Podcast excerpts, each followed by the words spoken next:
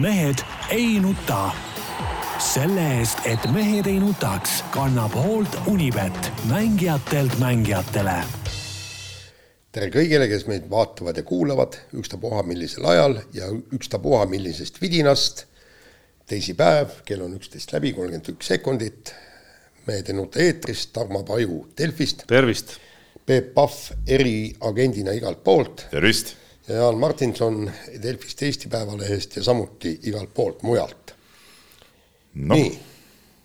nii. mis on õigustuseks ütelda? ei, ega mul ei olegi öelda mitte kui midagi, eile ajas ilgelt närvi värk, et ümberringi kõik äikest lööma, vaatan seda äikesekaardi, igal pool ümberringi sajab ja põhimõtteliselt umbes niimoodi, et, et vihm katkes mingi kolm kilti enne. Vasalemmas tuli küll nagu Oavarrest no., äike, äikest kui sellist küll ei olnud, aga, aga vihma tuli täiesti ootamatult õhtul järsku. ma olin sõitnud natuke aega tagasi, natuke enne seda olin, olin just koju jõudnud, sõitnud autoga päikseprillidega, polnud kuskil pilvi näha. no minu silme ette nad ei tulnud ja, ja, ja, ja siis järsku plaanisin just õue minekut, ühte väikest nii-öelda asja seal tegema ja, ja järsku mingi ilge lädin läks lahti ja siis pani üks pool tundi pani ikka korralikku sadu. no seda oleks ka meile vaja, muidu ma tassin sealt äh, jõest kogu aeg aga jaa, sul mitte midagi muud elus teha ei ole, kui sealt jõest no, ämbriga vett no jaa, ma arvan no,, et selles suhtes jääb sul kümme lehekülge raamatut ei, see on nagu igati tervitatav, et ei no selle ajaga ma jõuaksin kolmkümmend lehekülge lugeda, kusjuures jaanipäev, nagu ma Tarmole ütlesin, mul on pilt ka, et äh, oli ääretult lahe ja äh, see jaanilaupäev ja siis jaanipäev ka, et, et me saime mõnusalt oma sire, sireli all vedeleda, raamatuid lugeda, lugesin no põhimõtteliselt raamatupäevas mõnusalt äh, läbi, sõin äh, Armeenia šašlõkki, et olla vennasrahvastega nagu ikka, ühtne. ikka vennasrahvas. ja, ja, ja siis järgmine päev siis Eesti rahvusrooga ehk siis äh, kalamarjaga pliine ja jõin kõrvale ehtsat äh, šamp-, Pust ehk siis šampanja piirkonnast. minu arust need pliinid on nagu ülehinnatud, mina sain kalamari lihtsalt tusikaga karbist ei, ei, ei, see, see on, kui head pliinid on ja siis ei, sibula. ei, ma saan aru, sibula ja koor. aga veel parem on lihtsalt võtta karbist kalamari lusikaga ja seda sai ka tehtud.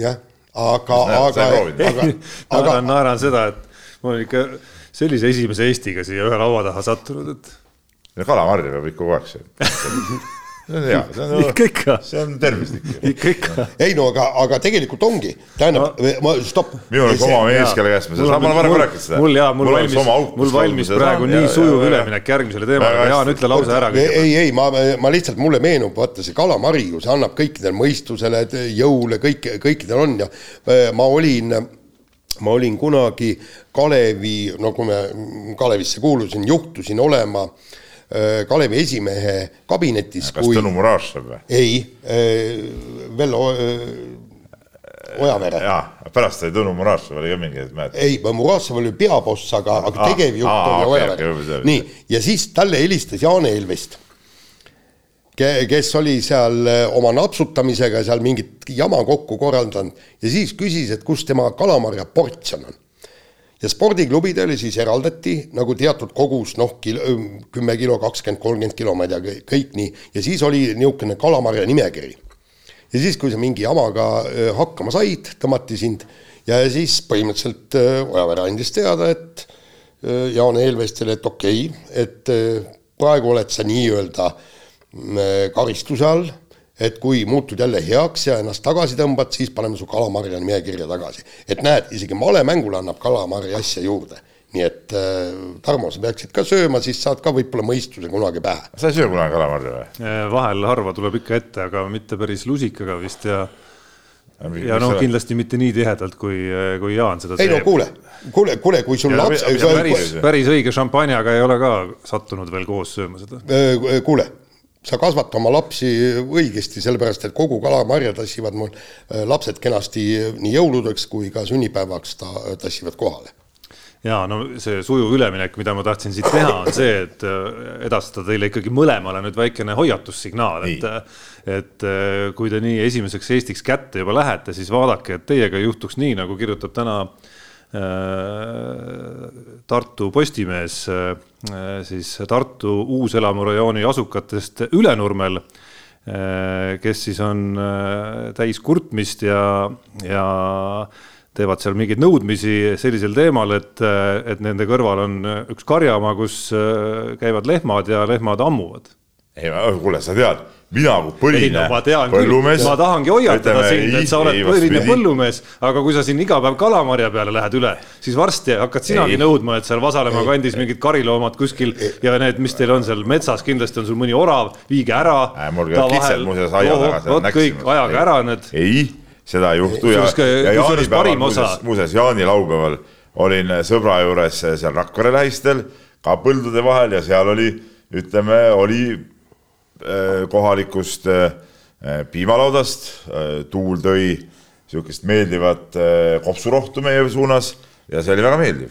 minule oli väga meeldiv ja mõned seal võib-olla linnainimesed kirstutasid nina, aga ei, mina ütlesin väga hea. paluks veel ja väga hea oli. ja, ja kusjuures meil, meil on ju see jama, mul oli umbes kümme aastat tagasi, meil läks ju piimalaine, läks teise ilma ja siis no lehmad kadusid sealt ka ära. me ei saanud punkt üks enam värsket piima Äh, tuua, aga mis äh, veelgi hullem, oli see, et pääsukesed kadusid meie juurest ära, meil oli seal lendas kogu aeg paar pääsukesi, sõid kõik igast kärbseid ja, ja särke-värke. aga nüüd muideks, äh, eelmine aasta juba olid pääsukesed tagasi. asi on selles, et pääsukestel on vaja niisugust lehmalauda lähedal olekut, et nad seal on neil korralik söögilaud. ja nüüd ma peaksin siis minema uurima, et kas keegi on kuskil hakanud lehma pidama, et saaks taaskord värsket piima. ja kusjuures lihtsalt selle loo juurde tagasi tulles, siis, siis äh, seal nagu põhiprobleem on see, et lehmad ei häälitse nii-öelda normaalselt, aga aga nad karjuvad ja mis ma nüüd veel nägin, oli see, et need elanikud, kes kurdavad, elavad ise Mõisniku tänaval, et noh, see võib ajada. oota, mis mõttes? oota, mis tähendab, ei häälitse normaalselt, vaid karjuvad? no ma ei tea, ma mõtlesin sinu kui ikkagi vana piimaautojuhi käest küsida, et äkki sina oskad kirjeldada, et milline on lehma normaalne häälitsus ja milline on siis ebanormaalne häälitsus.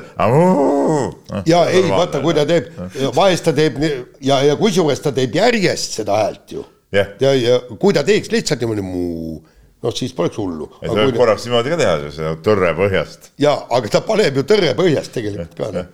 et ma ei tea, mis Tarmol juhtus, aga, aga minu arust see on normaalne, noh. mulle nagu, mina, minule nagu loomad, eh, ka kariloomad, eh, ütleme, tänu kellele me üldse Eh, need mõned rohelised ütlevad, need eh, pussutavad liiga palju seal kuskil karjamaa peal ja ei tohigi neid üldse pidada. minge kuu peale oma lolli jutuga, sööge ise oma mingit eh, tööstuslikku liha või ma ei tea, mis kuradi jura te näost sisse ajate, aga mina tahan saada õiget asja.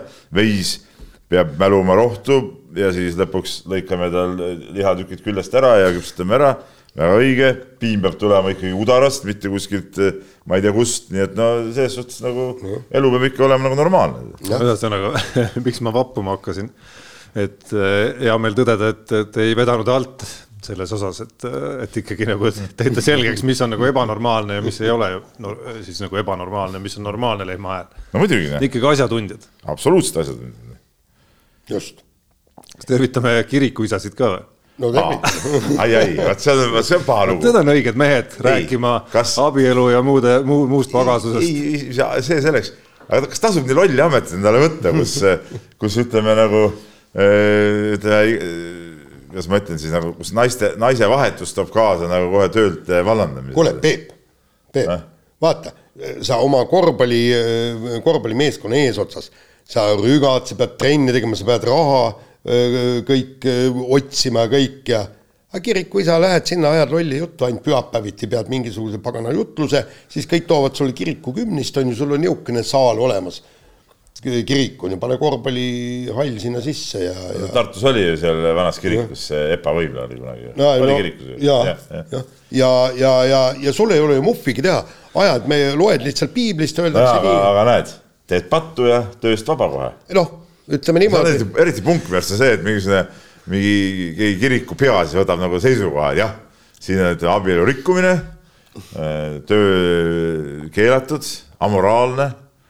no punk on ka siiski see, et sama mees kes on nüüd kolmandas abielus, mis on ka lõhki minemas, nagu ma aru saan, ei, see ei ole seganud teda ka varasemalt juba nagu nii-öelda nagu abielu pühaduse ja kõige selle üle jutlust pidada ja, ja no, arvamuslugusid kirjutada ega ja nii edasi. ei, no aga see, nüüd sa lähed, pöörad nagu valesse suunda selle, ega siis see, kui sa äh, lahutad, tähendab seda, et abielu on püha, abielu on kuniks ta koos püsib, kui sa sõlmid ta, siis ta ongi püha, no ega siis ta ei ole kirjutanud ju, et, et sa ei tohi kunagi lahutada, on ta kirjutanud siukse loo kunagi? ei, no paari pannes siiski käivad seal teatavad tõotused siiski asja juures, milles, milles peitub, milles peitub siiski mingisugune nagu eeldus, et läbi hea ja halva ja, ja nii edasi. mina ei tea, tähendab normaalne inimene muidugi kirikus ei käi ennast paari panemas, sealt ei saa seda tõenditki ju, perekonnaseisuametist saab selle. nüüd saab juba. kirikus ka või?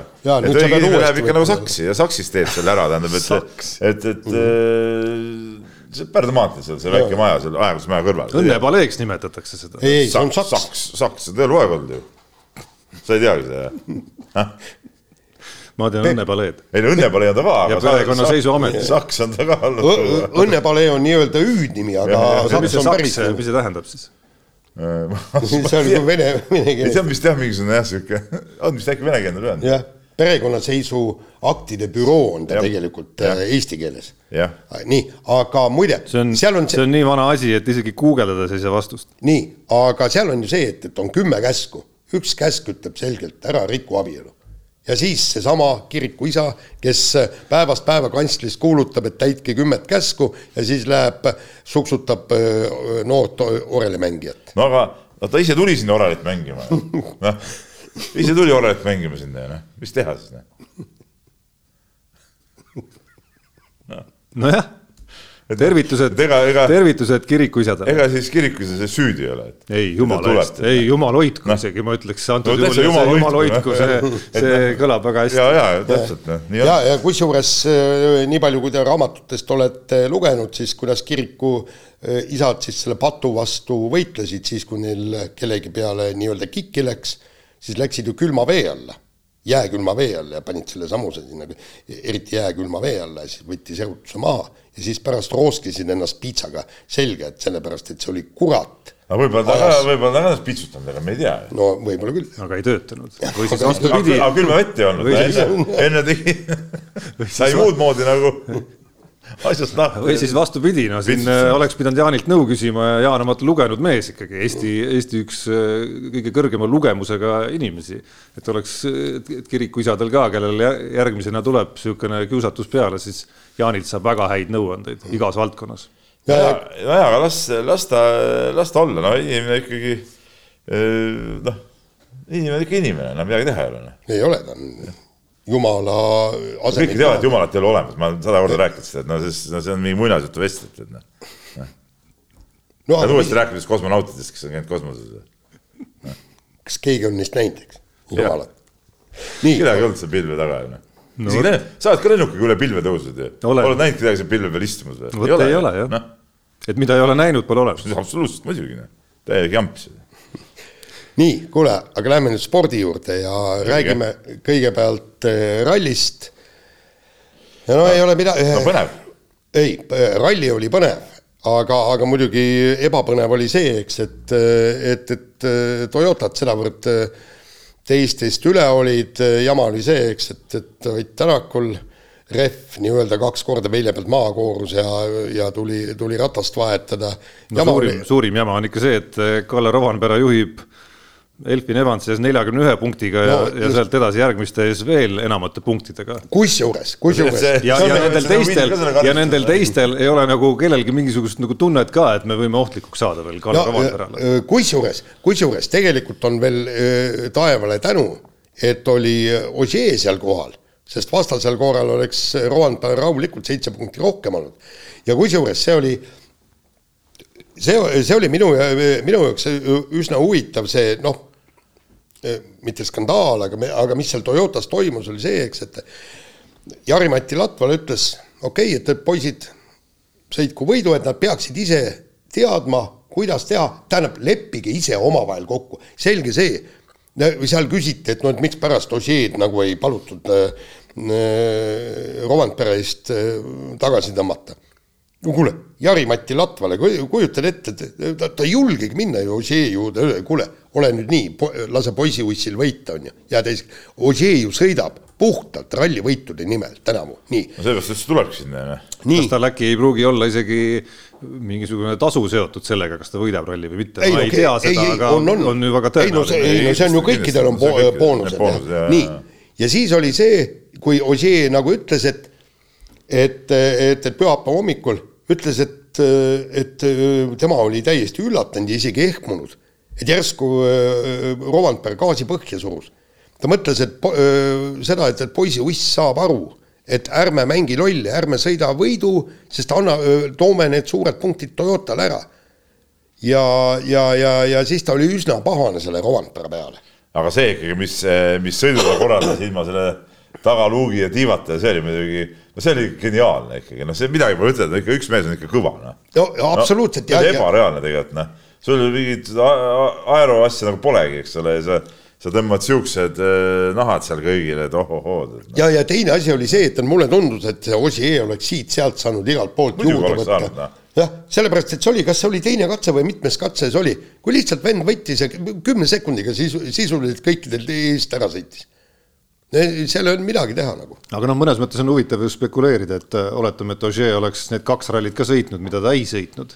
hetkel on Rovanpera ja Ogier vahe viiskümmend või vabandust, nelikümmend kaks punkti on ju, et äh, noh, mis ütleb, et ega see nagu raudpolt kindel ei ole, et ta oleks MM-sarja liider praegu. kuule, palju hullem oli see, et, et mille pagana pärast ta äh, sõitis, see oli Sardiinias, sõitis Kaavi liidri kohalt, selgelt liidri kohalt no see muidugi, see oleks, siis no, ta oleks ju praegu väga pane kaks, äh, pane kakskümmend viis punkti äh, juurde ja, ja no okei okay,, no vead käivadki justkui nagu rallispordi juurde. no,, fakt oli see, et ta seal eksis. jah, et, äh, et, et mina sellest Ožeest väga, väga nagu aru ei saa, et, et tal, tal oleks see maailmameistritiitel võtta ju. praegu on ükski teine mees ei ole võitnud kahtegi rallit. Ja temal on kolm rallivõitu, mis on kuuest, eks ju. jah ei, ta on kõva, no ülikõva, no tähendab, aga, aga mis nüüd seda rallit nagu tervikuna puutub, siis on jah, et ega see, jälle see Keenia ralli on ka niisugune, et noh, sealt jälle ei saa mingeid, mingeid nagu ekstra järeldusi teha, ma ütlen, me kogu aeg räägime läbi terve hooaja, et, et kogu aeg on mingid, mingid spetsiifilised rallid, noh, okei okay,, vahepeal see Portugal ja Sardiinia võib-olla olid niisugused ikkagi nagu tavalised, et aga ütleme, see Keenia põhjal nüüd noh, esiteks see on üli, ülikurnav autodele on ju, isegi Toyotad jäid ju hätta seal, eks ole, viimasel päeval seal ju ka ju. kuumenesid üle. kuumenesid üle, eks ole, seal läksid liiva täis eest ja nii edasi et, et ähm, noh, ma arvan seda, et, et nüüd õiged, õiged rallid tulevad nüüd, et ütleme, see Rally Estonia, Soome, et need on nagu nüüd siuksed päris rallid. Ja tegelikult ma nagu Tänaku äh, neid aktsiaid nendel rallidel nüüd küll maha ei mataks tegelikult. Ja tegelikult ärme vaata, me ei saa vaadata Ott Tänaku kiirust, sellepärast et tal ju kohe juhtus see rehviga see jama. ja siis oligi, seis oli selline, et tagant kedagi ei tulnud, eestpoolt kedagi püüda tal ei olnud isegi mõtet seda, seda autot ruunata. et äh, sõidabki, sõidabki oma tempos ja, ja, ja nii lihtsalt on. aga, aga muidugi noh, ütleme, see Hyundai asi oli ikka selles mõttes katastroof, eks, Neuvillil äh, amordi see mutter lendas ära ja, ja amort oli läbi kapoti, see oli ja, ja kusjuures läbi väikse augu sõites et see, see oli puhtalt niisugune noh, kuskilt tegemata jäänud töö või või siis kehv mutter või mis see on, nagu ta ise ütles, et see mutter ei maksa ju eurotki. no kui Tänak Hyundai's sõitis, siis selliseid nii-öelda no, mutreid me just. kirusime kogu aeg siin saates laua taga. aga, aga Esa-Pekka Lappi puhul oli ju see, et, et neli korda oli veovõlliga jama, neli korda selle ralli jooksul ja ta ütles, et ei saagi midagi aru, teistel kellelgi ei ole neid probleeme no eh, jah, veovõll, me räägime kardaanist. no kardaan no,. kõlab nagu ägedamalt ikkagi. jah, et, eh, et, et eh, selles mõttes ka, et noh, lihtsalt püüdsid käed puhtaks ja muidugi see. Lapist oli kahju muidugi. mul seepärast kahju, et oli mul ennustusmängus pandud ka nagu ja läks nagu välja no.. no aga ta oli kindlalt kolmandal kohal. oli, oli, muidugi, muidugi oli, muidugi oli. noh mis seal siis veel rääkida, no muidugi no, see. tehke nüüd selgeks ikkagi kogu see Terrine Villi diskvalifitseerimise lugu, et ongi põhimõtteliselt siis nagu teadliku pettusega tegelenud inimesed. teavad no., et reegel on selline, teavad, et nii ei tohi ja teevad sellest hoolimata. no ütleme niimoodi, et, et ma ei ole ja, küsimus, ja, küsimus, et kas see on midagi, mis ongi nagu levinud äh, rallispordis või, või see on ikkagi nagu piisavalt erakordne no, et siin praegu suuri silmi teha? Eestis oli ka seesama probleem, mäletad aastaid-aastaid tagasi, kui mingid lätlased käisid veel lisaks selle rajaga tutvumas. aga, aga noh, nagu siit ja sealtpoolt kuulda on, et vaata, mikspärast seal siis Neuvilli abimees äh, nii-öelda kinni püüti, oli see, et, et need olid ju äh, suletud teed, need olid eramaal ole, olevad teed. ja, ja, ja seal noh, passiti kenasti juures ja mingi tüüp järsku sõidab, läksid küsima kõik ja pärast selgus, et oli seotud Neuvilliga, mis on ka tegelikult kummaline, kas siis Neuvill palus tal minna ja tutvuda või oli see tiimipoolne. ma sain, sain aru igal juhul lõpliku otsuste pealt, et see oli nagu Neuvilli erabusiness. aga ja. sa mõtle nüüd kui nad ja, kirjutavad le legendi ära ja üldkasutatavatel teedel, kus võib igaüks sõita, iga inimene. et kus sa sealt neid eh, kinni püüad? mingid suvalised tüübid lihtsalt sõidavad sealt eh, rahulikult, neil on täis õigus sõita no,. õigus sõita jah ja. ja., et, et. Ja, ja sellepärast, sellepärast ongi seal teatud, teatud eksperdid on öelnud, et, et see, see ei ole nii ebatavaline. aga, aga lihtsalt Euroopa teedel ei paista see silma, kuna need teed on üldkasutatavad, miks äh, Keenias paistis silma, sest need on erateed ja, ja äh, nii-öelda suletud teed. vot, aga, aga noh, Neville'il ei olnud ka midagi teha, vaata ta proovis kuidagi ära pääseda, tunnistas puhtsüdamlikult üles, aga, aga see ei päästnud, päästnud midagi see, et, et äh, selles mõttes oli küll karm pauk talle jah, talle karm pauk ja üldse noh, vaata, kui me vaatame ikkagi seda kogu seda, jah, nagu Tarmo alguses ütles, et, et seda, seda sarja ka, et, et see Rompera on seal nii ees ja, ja kui me vaatame, kes nagu võiks seda ohustada, eks ole, siis Neville noh, ei ole ikkagi see aasta jälle järjekordselt ennast sõitma saanud ja nüüd tulevad siuksed rallid ka, mis talle ei sobi. noh, ei ole nagu, ei ole nagu mingit varianti. noh, Tänakuga on nagu on, noh nüüd, kui ta nüüd need kaks kiiret rallit suudab nagu ära, ära paugutada aga need sobivad Rompeale ka jälle väga hästi, eks ole, noh. jälle on suht keeruline. no Evans on ainuke variant, kes seal võib nagu midagi teha, et Evans on tead nagu kogu aeg nagu varjus olnud, okei okay,, selle ühe võidu ta sai.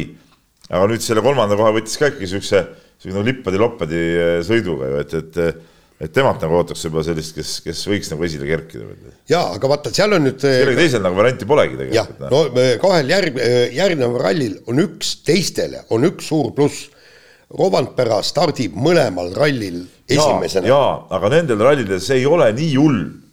jaa, aga, aga ei, ei, ma, ma ei ütle. suudab esimesel päeval seal hoida mingist noh, ala, et see vahe ei lähe suureks, on seal mingisugune kolmas, kas või neljas, no siis ta saab teisel päeval juba normaalse koha pealt minna rajale ja, ja, ja, ja normaalselt sõitis nii nagu Tänak oli omal ajal, kui ta oli liider, kui ta hoidis esimesel päeval vahe normaalsena oli seal, ma ei tea, teine, kolmas, siis pärast võitis kindlalt ära. Ja, ja aga, aga kusjuures noh tuleb tunnistada, et, et, et si, siin ongi, no mina jälle leian, et, et ainukene, kes, kes võiks midagi teha, on Rovanpera ise. ehk siis ta peab ükskord katkestama või, või võpsikusse sõitma, et, et noh, see on nelikümmend üks punkti. Kui, kui tema korjab igalt poolt, okei, teised võtavad kakskümmend viis, aga tema võtab oma kümme. aga vahed on siin suuremadki olnud, noh ja, ja noh, see on nelikümmend üks punkti olukorras, kus ta on ka ikkagi nagu kiirem mees kiiremas autos, võiks, võiks vist nagu öelda siia juurde, on ju, mis tähendab, et nagu kõik, kõik läheks nagu paberil edasi, siis see vahe pigem teise hooaja poolega kasvaks veelgi, on ju, mis tähendab, et noh, sisuliselt kahel rallil peab tal ikkagi midagi juhtuma no, no midagi, midagi väga suurt. tahtmata seda nagu nõiduda välja, aga noh, see on nagu reaalne kuidagi selline tõenäosus ja, ja, ja matemaatika. selge see, et tema, talle on teistel raske vastu saada, see on selge. Noh. ja, ja, ja jama kogu selle juures ongi see, eks tal on neid nii-öelda abimehi ju ka. et, et ühel hetkel öeldakse Evansile, et, et nüüd poiss, tuled sealt eest ära ja, ja näiteks seal neljanda-kolmanda koha peale või kolmanda teise koha. abimees on tema jaoks olnud ka Ožeer tegelikult, väga kõva abimees, sest ta on ju korjanud ära need suured punktid, suured punktid ju noh, nendel rallidel, kus kus Rompera ise ei ole nagu suurt mängu mänginud. et, et äh, see on ka ju noh, loogiline. ja aga, aga, aga samas edasi näiteks kui, kui seal Ogier tuleb jälle rajale, siis selles, äh, see on juba, siis hakkab mängima nii-öelda jälitajate kahjuks, kui ta võtab need suured punktid ära. sellepärast, et suuri punkte on vaja jälitajatel. ideaalne oleks see, et, et äh, a la Ott Tänak või, või Elfin Evans esimene, Ogier teine, siis keegi veel vahel ja alles siis Rompera aga noh, Ožeer on ikka kõva, siin midagi pole ütelda, Ožeer on ikka kõige kõvem, noh. teised võivad siin praegu siin nagu siksida või, või mitte siksida need romapelad ja kõik, aga see on ikka ikkagi üle prahi. ja tähendab, seal on ikkagi sellel selle, aastal. sellel aastal on väga raudne. See, kes tuleb maailmameistriks, ta on maailmameister, aga ta ei ole kõige kiirem rallisõitja. No ei tea täna seda öelda veel niimoodi, noh, vaatame, kui Kalle Rovanpera pika puuga paneb kaks järgmist rallit ära, rallid, millel ta ilmselt pärast mida saaks öelda, et oleks ka Ožeele seal kindlasti ära oleks, pannud. oleks, ei saa seda öelda, Ožee ei sõida nojah, aga noh, me teame, et äh, Ožee ei ole võib-olla ka nende rallide nüüd nagu ekspert päris on ju. Soomes on siiski korra võitnud vist. Neid on võitnud korra, aga noh, need ei ole tema nagu ikkagi nagu. ei, muidugi ei ole, muidugi ei ole. niimoodi on ju. no jaa, aga siis tulevad jälle rallid, mis talle nagu rohkem sobivad, noh, miks ka mitte. aga see oleks, noh, võib-olla jääb muidugi aasta ja. lõpus, kus saab siis kalkuleerida, kuidas, kus. aga noh, aga vaata, see alati see oleks on, äh, on niisugune asi, et noh, oma vigad kõik ei sõitnud. Noh. nojah, täpselt. noh, sellest pole ka midagi ütelda nii, aga vahetame meie teemat äh, ja kahtlemata eelmise nädalavahetuse üks vägevamaid spordielamusi, kui mitte selle spordiaasta üks vägevamaid elamusi äh, sündis siis Eesti võrkpallinaiskonna käte ja jalgade läbi, ehk siis Eesti võrkpallikoondis sai hõbeliiga esikoha, alistades poolfinaalis Portugali ja finaalis Austria, mõlemad üsna dramaatilise ja, ja sellise trillerliku stsenaariumiga mängud ja, ja mõlemad sellised, mis noh, ma usun, tegid ikka nagu päris palju südameid Eestimaal soojaks. ja ma seda laupäevast mängu ise ei näinud, aga, aga seda jälgisin seda seisu, aga pühapäevast vaatasin küll algusest lõpuni ära ja noh, see oli ikka päris võimas tegelikult noh, et, et päris äge, kui, kui meil on nagu jälle mingi, mingi pallimänguvõistkond, kes noh, teeb ikkagi rahvusvahelisel äh, areenil nagu mingeid tegusid ja, ja meil pole sellist naistevõistkonda olnudki tegelikult, kes niimoodi möllaks. noh, seesama võrkpallikoondis, kes on finaalturniirile ju jõudnud. aga, aga ega... vaata nüüd sa, sa võitsid nagu midagi, üks asi on finaalturniirile jõudmine, mis on ka nagu, nagu väga võimas ja äge asi, aga praegu nad võitsid mingi konkreetse asja, no konkreetse sarja ja, ja see on, see on nagu ülikõva tegelikult. ja, ja kerkisid sinna kuldliigasse ja, ja, ja vot nüüd tahaks tõesti järgmine aasta vaadata, kuidas selle kuldliigas asi käib, aga, aga ausalt öeldes see naiste võrkpall, ütleme nii, minu vanadele. see sööb nagu inimeste nagu närvid seest ära. ei, ma, ma tahtsingi öelda, minusugustele vanadele meestele, mul on, mul peab olema Ballerjani pudel kogu aeg kõrval. no sul on see šampanja seal ju rahulikult, miks sa jõid ära kõik siis enne õhtust mängu? ei, no. Koos kalamarjaga. no ära nüüd muret. see peaks sul hoidma vererõhku korras. kaua sa ühte pudelit šampanjat ikka jood, noh? see on lups ja valmis. Noh. nii no,, aga. teisena, see võtab veel rahulikumalt. aga see, see naiste võrkpall no sul on tõste, kõik on, vaatad, et nüüd, no nüüd tuleb, põrutab, ei midagi, pall tuuakse üles ja siis teiselt poolt tuuakse üles ja siis sealt jälle. seepärast ongi naiste võrkpall nagu ka naiste tennis ja. on tegelikult huvitavamad kui meeste tennis ja meeste võrkpall, sest need pallivahetused on nii palju pikemad lihtsalt. ja see ongi nagu äge tegelikult. aga, aga, aga see sööb ju närvid ei, seest ära, tähendab, ütleme, et, et seal ei olnud tegelikult Portugali vastu ei olnud probleeme, nad ju põhimõtteliselt nad oleks võinud selle game'i kaotada, nad oleks otsustava game'i peale läinud, eks. Aga, aga just see viimane Austriaga, sa vaatad, et nüüd on, no nüüd on käes, eks, mis see oli, üksteist kuus oli seis. ühe peale tagasi. ühe peale nüüd tagasi. mingi asetuse vea siuksel hetkel, täiesti. ja, ja, ja, ja, ja, ja siis lõpus muidugi, no see viimane punkt oli ka noh, no ju ta oli plokipuude, kuigi, kuigi suurt näha ei olnud, eks, et aga, aga, aga just nagu see, kas Kertu Laak või keegi ütles, et lõpus me unustasime kõik taktika ära, kui pall oli ees, löö nii kõvasti, kui suudad, tead, eks, et noh. jaa, no tõesti tõesti nagu äge lugu, et, et noh, mõneski mõttes äh, on ju niimoodi, et, et mingil naiste pallimängualal Äh, me siin räägime siin äh, noh, jalgpallist tuleb meil juttu ka siin tänases saates on ju ja, ja me saame kõik aru, kui keeruline on noh, näiteks siis kõige ülima näitena meeste jalgpallis mingisugust sihukest nagu midagi võita, ütleme siis niimoodi, okei okay,, nüüd on rahvuste liiga ja need divisjonid seal, aga noh, aga nagu rääkides nagu natukene suuremast edust on ju.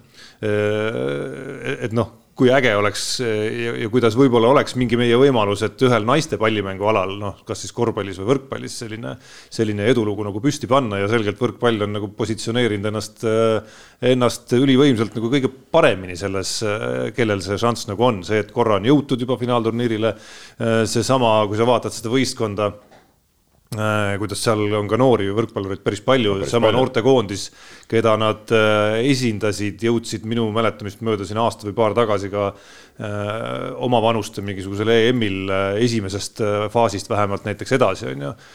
seal oli ju puudujaidki, eks, et, et siin see noor Häli Pahula, kellest ka kirjutati, on ju.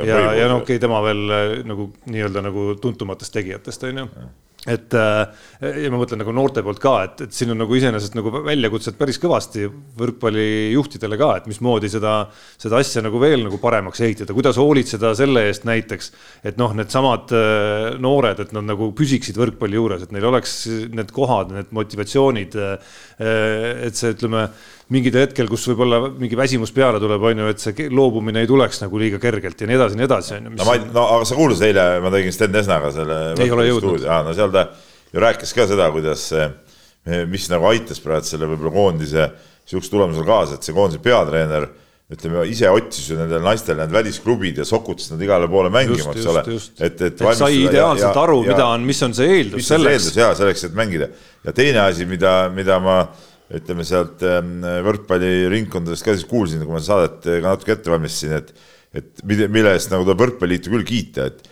et naiskonnale on tagatud tegelikult ikkagi täpselt samasugune ettevalmistuspakett nagu, nagu meestel, mida siin näiteks ütleme nagu korvpallis no võib nagu undki näha, eks ole, ma ei tea, kuidas jalgpallis asjad on, aga, aga aga võrkpallis on täpselt sama ettevalmistuspakett, kõik eh, samad tingimused, võimalused, eh, mängivad neid liigasid ja, ja asju ja eks see ongi see edu alus, eks ole, et, et kui sa kui sa nagu alaliidu poolt äh, teed selle käigu ja, ja, ja panustad, äh, panustad sellesse koondisse, noh. ja, ja, ja lõpuks äh, tulebki välja, et, et need on ju eeskujud, eks ole, nüüd see võit toob, toob uusi tüdrukuid trennidesse juurde niigi.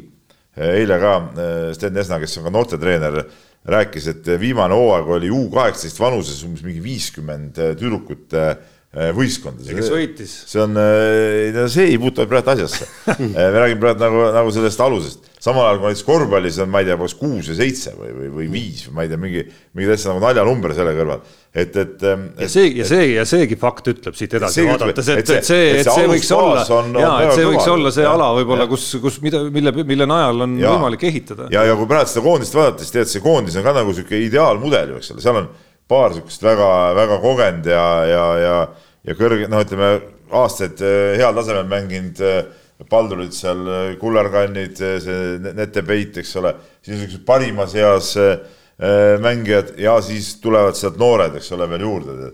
et selles suhtes see on nagu niisugune ideaalne võistkonna läbilõige nagu, et et jah, et asjad on, on hästi ja, ja, ja kui vaadata jah, neid noori, nagu sa ütlesid, nad seal kuskil said edasi ja ja kui vaadata, kui palju noori juba siin ka praegu koondise töösse on kaasatud, noh, need liberadki olid ju, mis kaks tuhat neli, kaks tuhat viis sünniaastaga, et siis ütleme, see Äh, ütleme, see tulevik noh, paistab ka suhteliselt helge nagu, et, et, et see koondis võiks, võiks veel pikka aega olla nagu. aga noh, see on selline iga, kus, kus ma arvan, on vaja igasugu erinevaid tugesid, et selles mõttes on see peatreeneri roll noh, ka mängupaikade leidmisel näiteks ja, ja noh, miks mitte ka selliste kokkulepete sõlmimisel, nagu siin äh, me ise kirjutasime Häli Vahulaga ja, ja nii-öelda silma peal hoidmisel, et, et, et neid ei kaoks nagu ära selles vanuses nüüd, mis läheb, mis on selline tundlik no, vanus. jälle, jälle ma veel kord tulen saate juurde tagasi seal, mida Esna ka ütles, et, et kui need Itaalia treenerid nagu tulid, no seal on Eesti treenerid ka juures, aga ütleme, seal on mitu itaallast ka siis nende, ütleme, sihuke suhtumine suhteliselt must ja valge, ole. tundus seda, seda tundus ka avalikult kusjuures. kui sa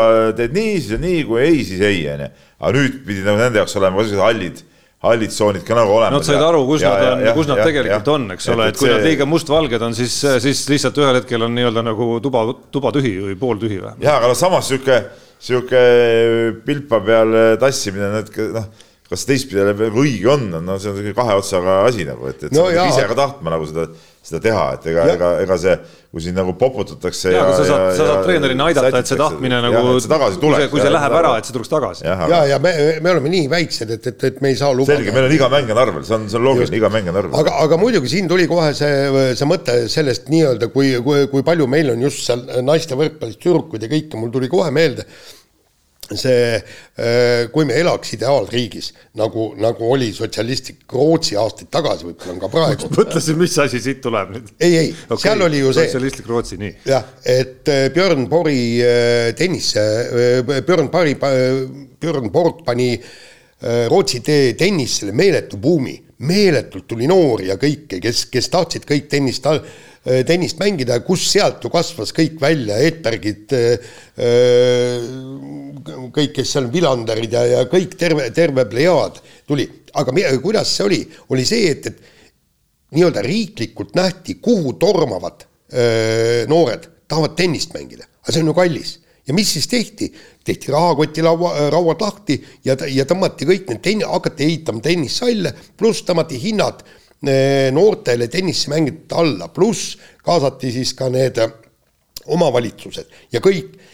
Nende jaoks oli tähtis, et laps, laps tuleks ja teeks sporti. on see tennis, on see golf, see on ükstapuha mis ja, ja, ja, ja praegu, aga, aga noh, ma, ma ei näe meil praegu võimalust, et võtaks nüüd nii, nii-öelda riikliku programmi, et praeguses buumi, buumi äh, olukorras me, me, me saaksime veel, me, et võtaks kõik tüdrukud, kes tahavad võrkpalli mängida, meil on ju treenerite puudus, hallide puudus, kõik nii, aga me proovime leida lahendust. ja nojah, aga no kui sul on ikkagi see tüdrukute baas on praegu juba väga suur, kui sul on U kaheksateistkümnes on viiskümmend võistkonda, halloo, nagu rohkem ei saagi olla enam no.. ja, ja no ma isegi, isegi, no, ma ei tea, ma ei tea, Peep, kuidas, kuidas teie peres mõeldud on, sul on ka väike äh, algklasside tüdruk kodus kasvamas, on ju. okei okay,, sa pead arvestama sellega, mis äh, sinu piirkonnas nii-öelda üldse nagu valikud on. meil on tüdrukute võrkpall on Keilas on täitsa olemas, et kas äh, ongi sinna minek või? ei, ma ei tea, kas ta küll poole silmaga seal vaatas, seal Keila tüdrukud muuseas mängisid ka, et kullerkannid on ju Keilast ju. et, et ähm, et ta poole silmaga natuke vaatas seal ka minu kõrval, aga, aga ei seal mingit sihukest võrkpallivaimustust ma veel ei, ei täheldanud, et seal ja, on no, mingid muud, muud asjad. Ta, tahtmata ka ette rutata asjade ja. sündmusest, eks ole, aga kui ma vähemalt selle pilguga olen vaadanud, äh, siis ütleme oma kandis Rae vallas toimuvat ja seda, mis seal spordiklubis tehakse, keskuses ja mis aladega tegeletakse, siis ütleme nagu sellise noore neiu vaatenurgas ma vaatan täpselt selle pilguga olengi vaadanud, et see võrkpall tundub nagu kõige ägedam ja ahvatlevam. eks see võrkpall ala. ongi nagu naiste mäng no, lõpuks sõltub, lõpuks, lõpuks sõltub muidugi, mis, mis tüdruk ja, ise ja, tahab ja, ja kas üldse tahab ja nii edasi, on ju. nii on.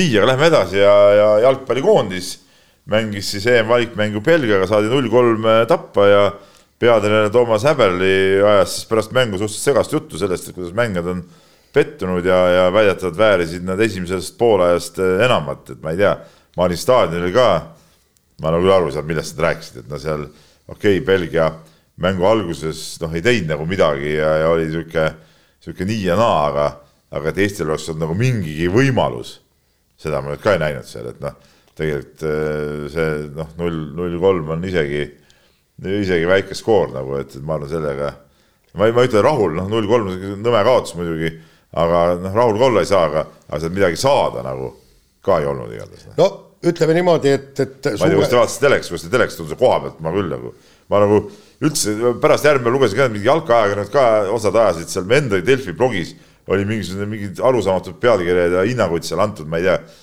kes seda täpselt tegi, aga täielik udu ju noh.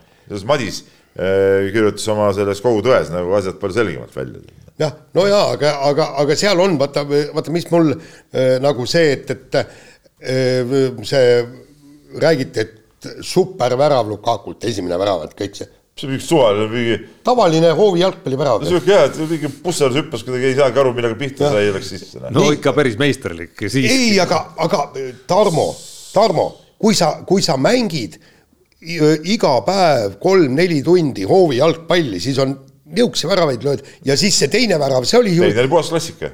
ja absoluutselt, see on, see on lasteaia viienda rühma või tähendab viimase rühma värav, okei okay,, seal kuradi ma eelviimases rühma, rühmas. lihtsalt, lihtsalt maailma jalgpall oma miljonite harrastajate ja profide juures on selline, kus me näeme, kuidas Romelu Lukaku sugused äh, nagu panevadki selliseid olukordi, mõlemaid nagu naeluseina. teisi oleks siis, äh, mina ka ära löönud, sina ka, sina ei oleks, sina Tarmo ei oleks, mina oleks ära löönud. ja siis, ja siis on tohutu hulk mehi, kes miskipärast nagu ei realiseeri neid ära. ei no kuule, no see, see lihtne. Noh. ei no seal, seal on see asi. kolmanda ma oleks ka ära löönud.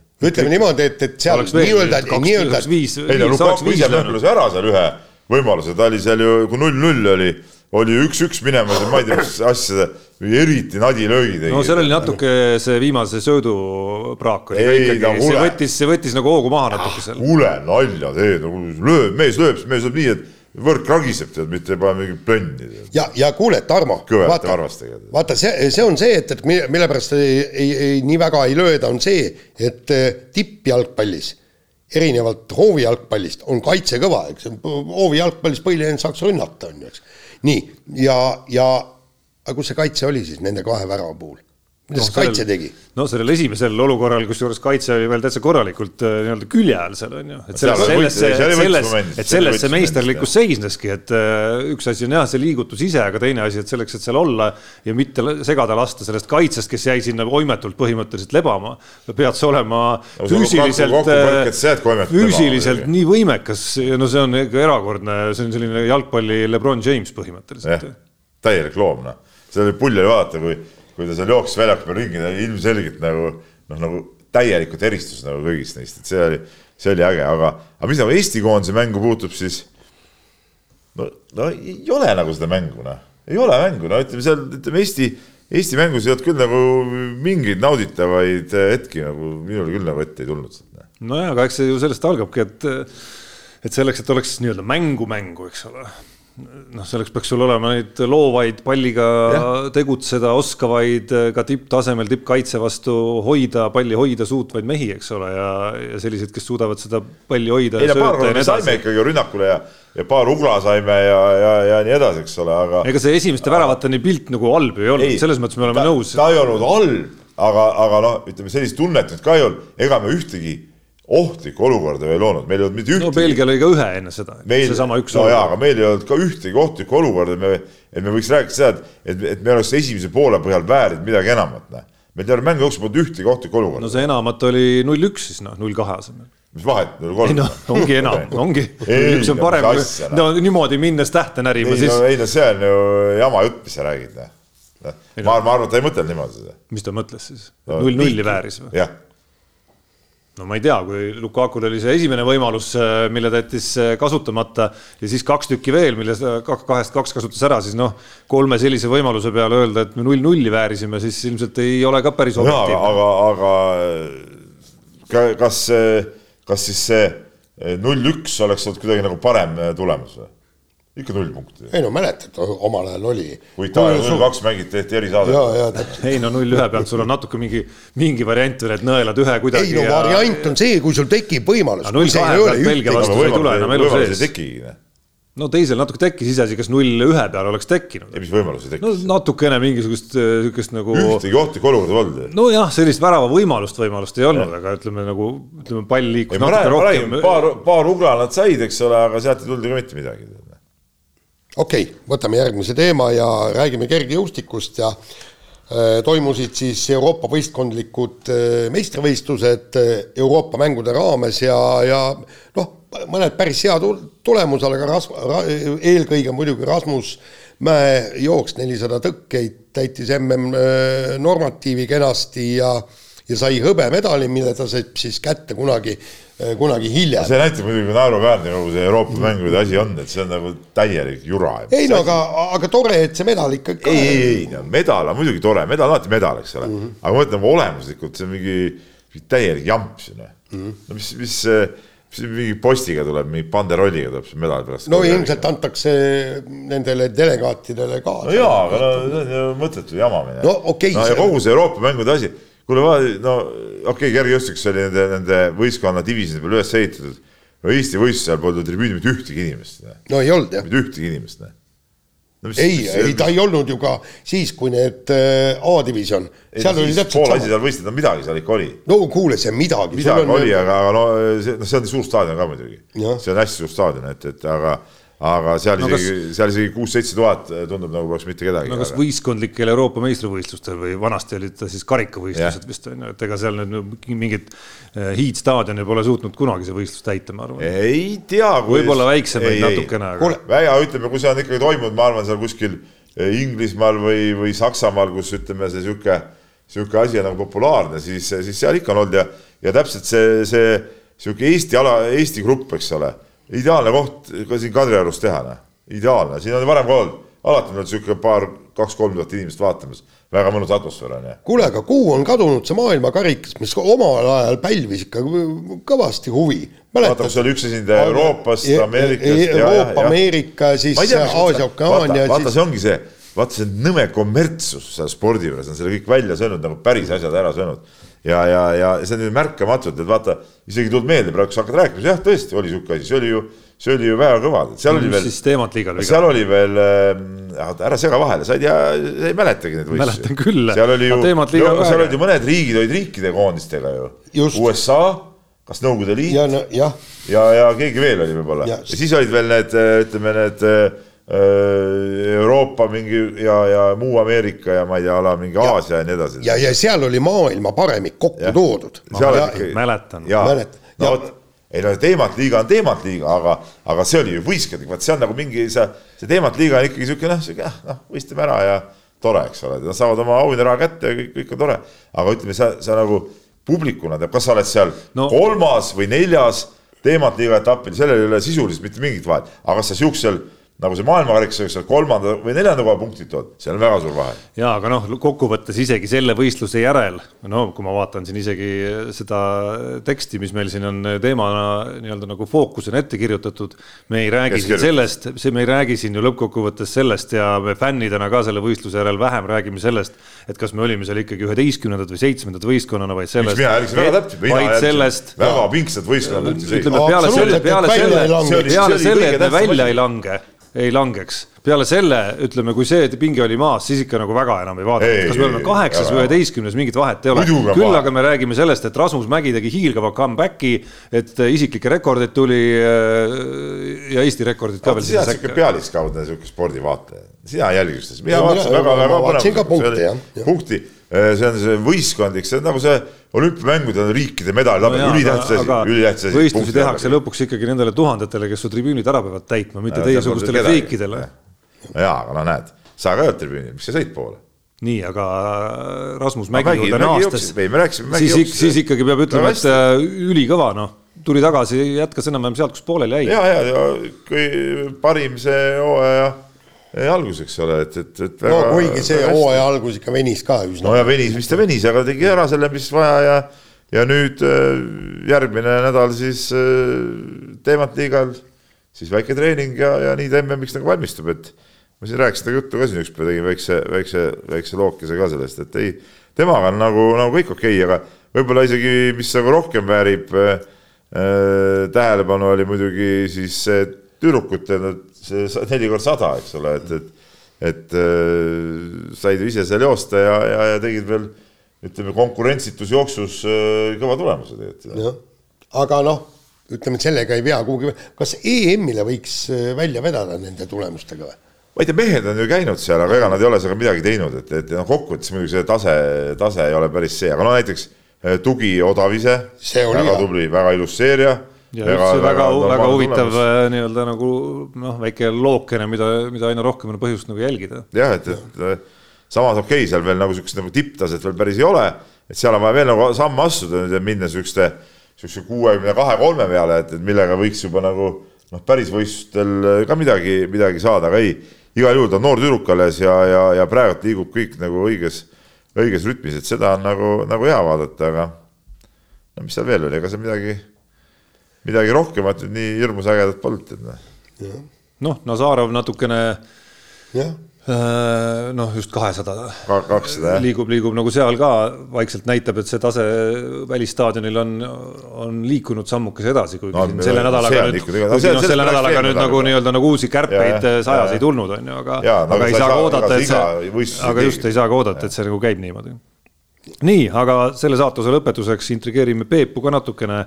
Eesti korvpalli järelkasvukoondis pidas eelmisel nädalal kaks kohtumist Soomes, peab äh, sel nädalal äh, siis kaks mängu, ühe täna ja teise ülehomme äh, Tallinnas Kalevi spordihallis ja pärast, pärast no pigem sellist nagu natukene õnnetu võitu esimest kaht mängu Soomes, siis Jukka Toiala intervjuus meie enda väljaandele ütles muuhulgas, et äh, tema arvates klubi hooaeg peaks kestma vähem, selleks et mängijatel oleks aega end suvel rohkem arendada, muuhulgas ka ravida ja puhata.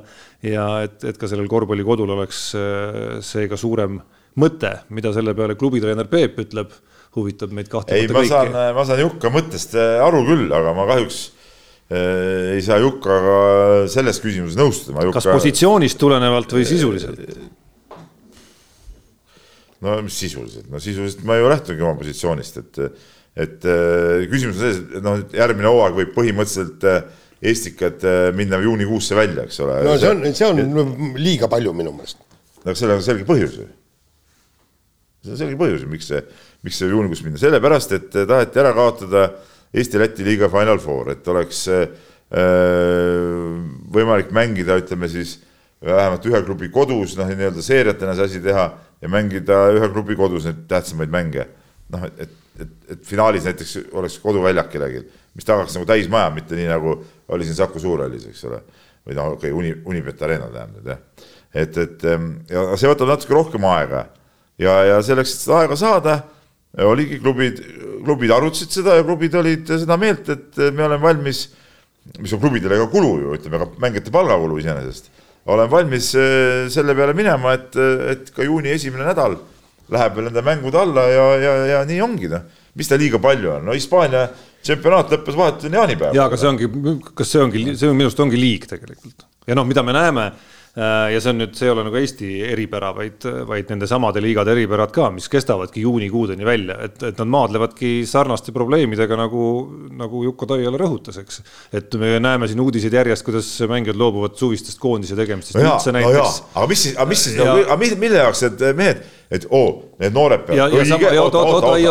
las ma räägin no, lõpuni no., et ja, ja teine asi, mida me näeme, on see, kuidas noh, kui me räägime nüüd Euroliiga näitest ka veel, Euroliiga tasemel klubide näitest, kus need hooaja nii-öelda mängude graafikud on nagu eriti äärmuslikud, on ju. noh, et siis mida me näeme, on see, et ütleme, noore mängija sellise arengukõvera jaoks noh, selgelt aina rohkem räägitakse, et need ei ole nagu ideaalsed äh, kasvukohad ja just peapõhjus on see, et, et seal ei jää lihtsalt aega neil trenni teha hooaja jooksul. Nad reisivad ja mängivad põhimõtteliselt kogu aeg, on ju, see noor ei pruugi seal veel liiga palju veel mänguaega ka saada, on ju, et see arengukeskkonnana noh, et, et see trend, et siin isegi nagu ülikooli kossu USA-s peetakse nagu paremaks, on pigem nagu aina tavalisemaks saamas, seda enam, et seal on nüüd tekkinud ka põhimõtteliselt no, palga, seda enam, et sinna on tekkinud, seal on tekkinud ka nagu palga maksmismehhanismid. ja, ja, ja, ja väga suure palga maksmine. ja väga suure palga, just No, aga, see, aga see on ka arengukeskkond, noh, see treeningtingimused ja noh, mängude arvu vahe ja hooaja pikkuse vahe on ju meeletu tegelikult. ei noh, see kõik on õige, aga, aga kui vaatad nagu klubide seisukohast, mis, mis jaoks need mehed eh, või, või miks see klubi tehakse ja miks see võistkond välja pannakse, selleks, et mängida seda oma liigat ju võimalikult eh, tugevalt, see on ju, see on ju asja mõte ja, ja, ja, ja teha võimalikult palju mänge ka kodumänge, mis toovad sulle publikut, mis toovad sulle reaalset raha sisse, et sa saaks üldse seda asja teha ja see ongi, see ongi üks põhjus ju, miks, miks neid äh, seeriatega mänge tahetakse teha, et, et sa saaks neid äh, otsustavaid mänge enda koju, mis tähendab sul täismaja mis tähendab sul publikut, mis tähendab sulle reaalset raha nagu noh. see on selge. sellest peab nagu aru saama. samamoodi, samamoodi ma nõuan siin Euroliiga, Euroliiga poolfinaale ja finaal, et tehke ja. ka play-off'id. et, et, et ega. või tähendab seeriat. see, see kõik see noorte ettevalmistus ja see kõik on ma saan Juka mõttest nagu aru see, see kõik jutt on õige, mis ta räägib. aga, aga no me ei saa ainult lähtuda ju ainult äh, noorte ettevalmistusest, et kogu see mäng ei koosne ju noorte ettevalmistusest, mäng koosneb ikkagi sellest, mis läbi hooaja käib, see, see klubi võistkond, miks sa seda teed, sa teedki selleks, et saada võimalikult head tulemust, noh, see on asja point. jah, aga noh, teistpidi. ja tegelikult see noorte ettevalmistus noh, see peab, klubid peavad selle eest äh, vastutama ja klubid peavad äh, seda tegema, aga tihtilugu nad mängivad võib-olla nagu veel rohkem, on ju, et seal kuskil noorteklassid ja esiliigad tulevad ka veel sekka, eks ole, et seal no, kas, kas nad saavad no, piisavalt enesearendamise trenni aega? ütleme, need, kes mängivad näiteks ainult Eesti-Läti liigat, ütleme eurosarja ei mängi, no nende mängude arv ei ole ju, ju, see on ikkagi nagu pigem väike, mitte suur, noh. et kui sa mängid põhiturniiril kolmkümmend mängu, no siis see on ju ikkagi nagu ju väike, väike mängukoormus. aga kui esiliigad ja noorte no, turniirid juurde panna eh, no,, no, no, siis palju, muutub nagu trikimaks no,. no kui palju neid on, kes mängivad noorteliigat ja meistriliigat, no sellised ühe käe sõrmede pealt üles tuua siuksed mängijad. esiliigad jah, siis võetaksegi sealt mängude, mänge juurde, et neil oleks mängukogemust ka, noh, et, et ei, minu arust see on nagu, nagu okei okay. ja ma selles suhtes ma Jukkaga jah, päris, päris nõus ei ole, aga ma saan aru, mida ta nagu mõtleb ja, ja mille pärast tema muretseb, tema peabki oma asjade pärast muretsema ja, ja neid äh, detaile välja tooma, aga, aga lihtsalt klubi vaatest äh, ma vaatan seda teistpidi lihtsalt. ja, ja ma ütlen veel kord, ka klubid saavad ja peavad, peaksidki tegema seda suvist ettevalmistust äh, tõsisemalt. Noh. nii, aga laseme nüüd kõlli. proovime kiire vahemängu tõesti kiirelt teha ja alustuseks kes ütles, et võrkpallis ei saa raha teenida. ma ei tea, kes ütles, kusjuures. Äh, sa ise oled mõelnud välja selle, ma arvan. ei, siin räägiti, et noh, et võrkpallis ei liigu eriti raha ja kõik no,. kes, kus räägiti? no on igal pool rääkinud, et võrkpallu, ei, võrkpallurid pea, peavad pärast karjääri lõppu minema tööle. huvitav lugu. aga Oliver Venno, nagu sa näed, no kuule, mis see jalgpallur, mis sa tahad öelda, Ronaldo läheb kuskile nõusid pidama. Ronaldo, noh no, ma arvan, et see, mis, kes see oli, see kuubalane, see Leon või ma arvan, et see ka tööle ei lähe pärast võrkpalli. nii, aga, aga tegelikult on, võib ka kenasti võrkpalliga teenida, et eh, kuue korteri ja kahe maja omanik Oliver Venno tegeleb kinnisvaraga, ütles, et kaks aastat, kaks aastat veel mängimist ja neli korterit veel ja siis on elu kindlustatud ja tegelikult pole no, paha. see on ka töö, kui sa neid korterid haldad organiseerid seal koristust, sul on, sul on haldusfirmad, see. no jaa, aga no näed, sa oled nagu firma juht siis, noh. nii, aga, aga tegelikult selles mõttes on. kas Mari-Liis Rüütsalu teeb tööd või? ma, ma ei tea, mis see siia puutub. ei noh, sa oled firma juht, no seesama, mis Venno siis. Vennol on firma, kellel on, ma ei tea, kümme korterit ja ma ei tea, viis maja. ei, ei no kuule, räägime nüüd tegelikult, no. räägime nüüd tegelikult asjast, tähendab, kui, kui võrkpallur suudab ennast hea karjääriga äh, nii ära elatada, et tal pole sisuliselt nii-öelda palgatööle vaja minna jumalast pro. ei no muidugi on pro. ja, ja, ja, ja lihtsalt see ei tule nagu üllatusena mulle, eriti kui Oliver Venno vaadates, vaadates, mis liigades ta on viimastel hooaegadel mänginud ja kus kindlasti äh, palk on olnud, ma arvan, üks põhilisi argumente, miks ta neid otsuseid on teinud. ja, ja, ja ei ole kellegi asi ka ette heita talle seda absoluutselt, on ju, ja ma arvan, et ka Äh, teistel Eesti tippudel, kes on siin ikkagi nagu mänginud tipp, tipptasemel, noh, on, on need palgatasemed sellised, mis loovad ikkagi eelduse, kas just elu lõpuni ära elada, aga sõltuvalt sellest, kuidas sa oma, äh, kuidas sa oma rahaga ringi käid, siis ikkagi nagu väga suure aluse panna sellele, et sa, et sa ei, ei seisa nagu väga tühja küna ees siis, kui ühel hetkel karjäär lõpeb.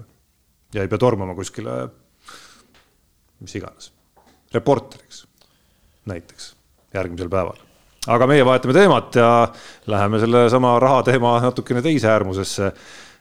FC Levadiasse naasnud Brent Lepistu on andnud siin paar intervjuud eh, kohalikule meediale ka, naases ta siis Levadiasse pärast väikest Rumeenia keikat kus äh, oli päris palju huvitavaid teravaid elamusi sellest poolest aastast tal ja muuhulgas ka kokkupuuteid Rumeenia maffiaga. tähtsad mehed tulid ja hakkasid ultimaatumeid seadma, mida ta tegema peab, et üldse näha oma nelja kuu palgaraha no, no ütleme, no kui sa nihukese riiki lähed. Siis... Rumeenia ongi sihuke, tead, natuke veider riik, ma mäletan eh, kunagi, kui me Vilja Ariksega sõitsime Žiguliga üheksakümne viiendal aastal sinna lisavalikturniirile Sofiasse, me sõitsime läbi Rumeenia. ja siis ma vaatasin, et, et no nagu siis oli tõesti mingi eesliikaarikutega vennad panid mööda maanteed ringi ja, ja see oli ikka väga ropp koht, väga ropp koht. siis ma käisin Rumeenias kuskil seal võib-olla mingi kuus-seitse aastat hiljem võrkpallikoondisega. ega midagi paremaks polnud läinud minu arust ikka päris, päris äh, nõme oli, ma olen veel paar korda sattunud ja nüüd viimati ma käisin Rumeenias. Äh, no see võib olla kuskil kaks tuhat kaheksateist, üheksateist käisime poistega mängimas seal. Äh, Klutš Nabokas, tunnustatud korvpalli linnas ja seal peaareenil mängisime ka, mis on nagu väga-väga võimas areen ja, ja, ja siis ütleme, see linn tegelikult äh, tundus, ma vaatasin, no et siin nagu mingi muutus oli nagu toimunud, et, et neid siukseid kadjakaid nagu enam nii palju ei olnud. aga, aga vaata, ega see nagu seda olemust nagu ei muuda, et ega, ega nad, ega nad ongi ikka siuksed, äh, siuksed veidrikud ja, ja seal ikkagi mingi siuksed hämarad jõud ma arvan, valitsevad päris kõvasti kogu seda asja. tead, ma, ma olen ükskord Rumeenias käinud ja see oli, see oli selles mõttes kohutav kogemus, et absoluutselt kõik absoluutselt kõik üritasid sul nahka üle ja. kõrvade tõmmata ja kusjuures nad ka õnnestusid. algas see kõik äh,, läksin hotelli, valisin hotelli välja, no to, toona oli see, et, et reserveerisid hotelli veel äh, nii mitmeks päevaks kõik nii, lähen siis sinna ja äh, nii ja siis ta ütleb ja et okei okay,, et kuuskümmend eurot öö ja ma ütlesin oot-oot-oot, teil on ju kodulehel, et nelikümmend viis eurot. ei, meil on kuuskümmend eurot ja siis ma teen selle kodulehe lahti arvutis, kodulehe teen lahti ja näitan kodulehel on suur silt, et nelikümmend viis eurot öö, et meil on niisugust. ta ütleb ei, on kuuskümmend eurot, tahad või ei taha, kuuskümmend eurot, nii. Läksime siis sööma ajakirjanikega sinna, oli judo EM oli see ja läksime sööma ja kõik oli hinnakiri, kõik tähendab ühesõnaga suur šnitsel ja kõik kartulid, värgid, salatid, eks, et no hind oli mis iganes, viis eurot või kui palju see igal pool. kõik sõime ära, jõime kõik ära ja tuleb siis viisteist eurot küsivad selle prae eest ma küsin, kuidas viisteist eurot? jaa, viis eurot on see šnitsel, viis eurot kartulid, viis õige, eurot õige. salat. ma ütlen, et, et no aga teil ei ole siin kuskil kirjas. ei no ega ei peagi olema, igaüks teab ju. ma ütlesin, et teil on pildi peal ju kõik need asjad olemas. Ja, ja ta ütleb, et ei no pilli peal võib kõik olla, viis eurot on see, maksate või, või ma kutsun politsei ja kõike maksid. ja siis lõpp oli politsei, ma arvan, et needsamad mehed, kellega Brent Lepistu kokku puutus, oleks tulnud ja teinud selgeks, et äh, hind tõusis vahepeal hoopis. ma arvan, et see oleks palju hullem variant, sa oleks tahtnud, et politsei tuleb. ja, et sa oleks veel rõõmus olnud, kui oleks saanud viisteist eurot maksta. ja, ja ära minnes, no kogu aeg ära minnes oli ka muidugi täielik koom, on ju, et tellisin takso, et, et lennujaama sõita ja hotelli, hotelli seina peal on suur kiri sõit lennujaama üheksa eurot või, või mis igal juhul on.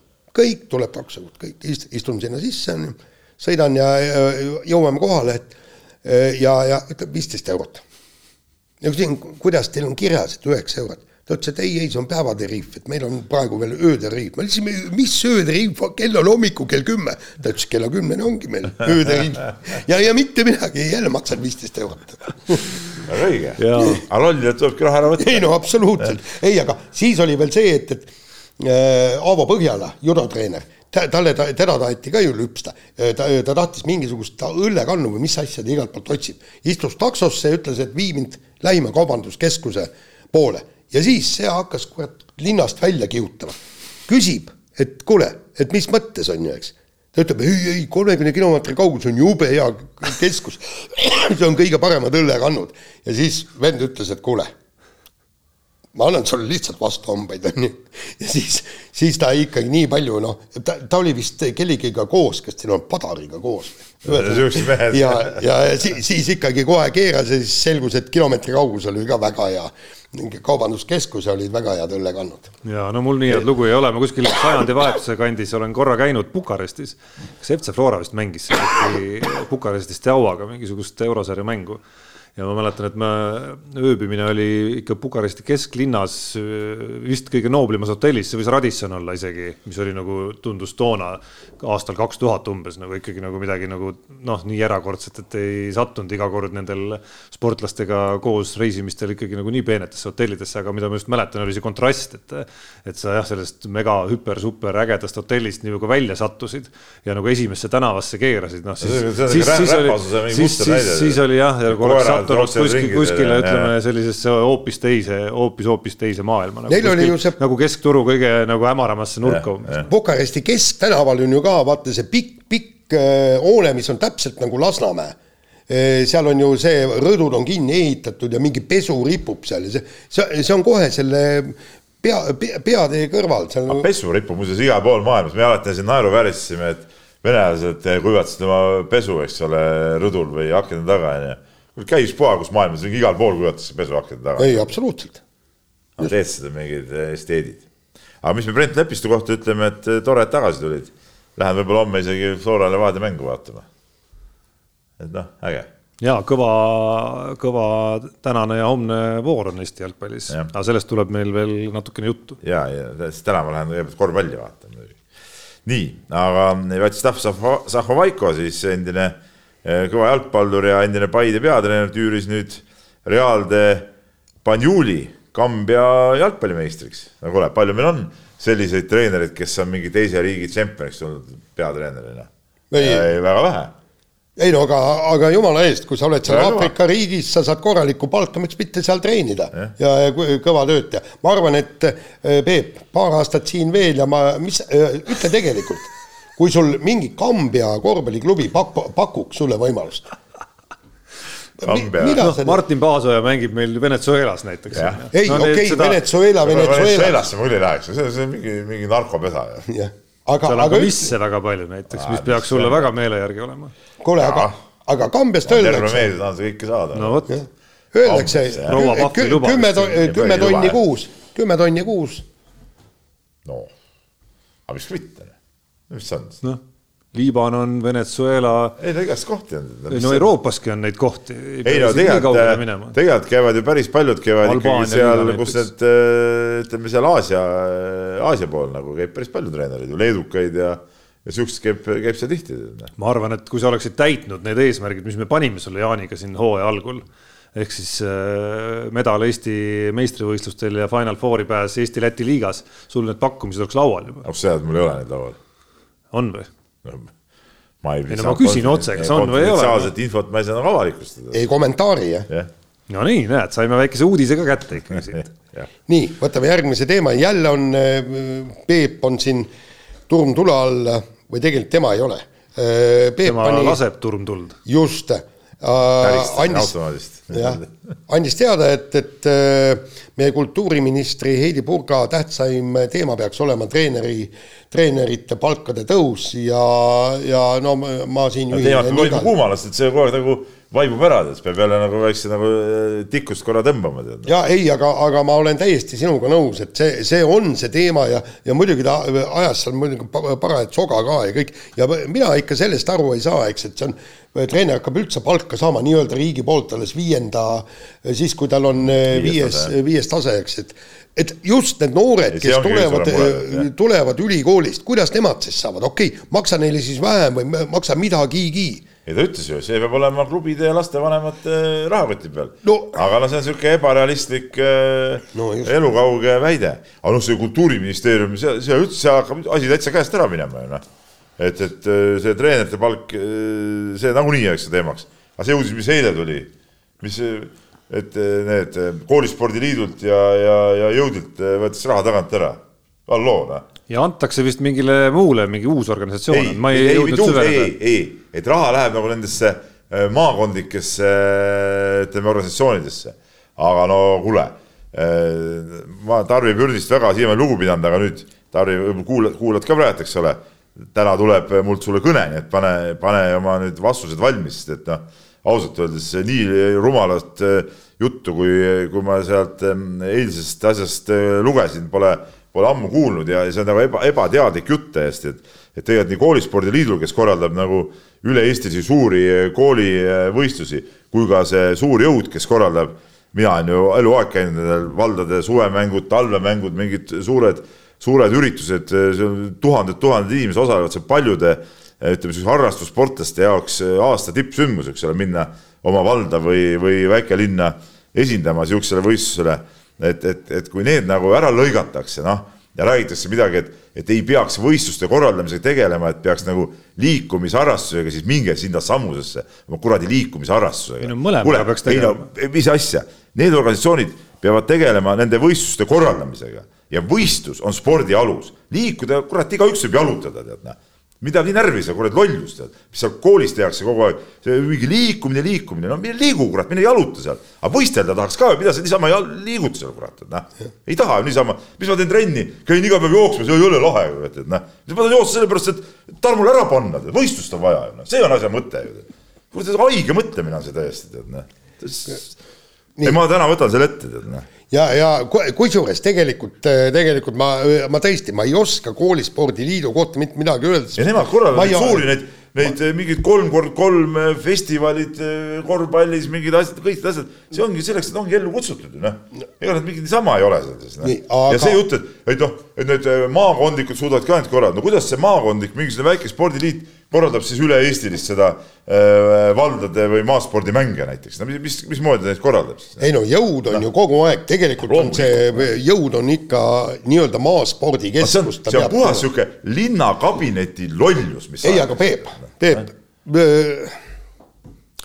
no seal, seal on võib-olla küsimus ka see, et, et vaata igalt poolt ju kärbitakse, kuskilt tuleb võtta. ma ei tea, kas see on kõige õigem koht võtta. ei no kindlasti ei ole nii, okei. Okay.. aga selle saate lõpetuseks äh, tulemus on sajandi võitlus, äh, tundub, et äh, võitlus, oota, oota, võitlusmaailma, võitlusmaailma hiiud juba korraldamas tehnoloogiahiidude Elon Musk'i ja Mark Zuckerbergi võitlust omavahel siis võitlusringis, kumb on kõvem mees. Sotsmeedias on plõksitud omavahel piisavalt palju, aga küsimus, kuhu see teema viia, on ikkagi, et keda Eestis ühte puuri panna? kuule, mina keeldun sihukese teemal üldse rääkimast, täielik debiilsus. spordiga ei ole seal midagi pistmist. ja, ja, ja kusjuures, tähendab, vaata, siin on see, et kui äh, nagu omal ajal, kui kutsuti duellile, siis kutsutav valis vahendid ja mäletad, seal oli kunagi Jaan Rallapil oli ju äh, väga hea äh, lugu, oli see kukeboks kui see, äh, kui seal oli, äh, seal oli just see, eks, et kutsud, oli duellile ja, ja vaatas, vaatas üle, et mis tal on, eks, ta, ta ei olnud poksi, ta ei olnud kakleja, ta ei, ta ei olnud midagi, eks, aga mis tal olid, tal olid tugevad jalad, ta oli vist kas kolmikhüppaja nagu Jaan Rannakmine ise. ja siis oligi niimoodi, et okei okay,, nõus tulema, aga öö, valin kukepoksi. ja vaata si, siin peaks ka ikkagi see olema, et, et mitte mingisugune totter, mõttetu mingisugune puurikaklus vaid, äh, vaid valib, valib endale sobiva ja korraliku. ei no Zuckerbergile sobib see, mis Musk pakkus, pole häda midagi, ta tegeleb aastaid jujitsuga juba. kuulge, ärme räägi sellest, see on, see on, mis asja. laseme kõlli. olge nüüd mõistlik. laseme kõlli. Unibetis saab tasuta vaadata aastas enam kui viiekümne tuhande mängu otseülekannet. seda isegi mobiilis ja tahvelarvutis.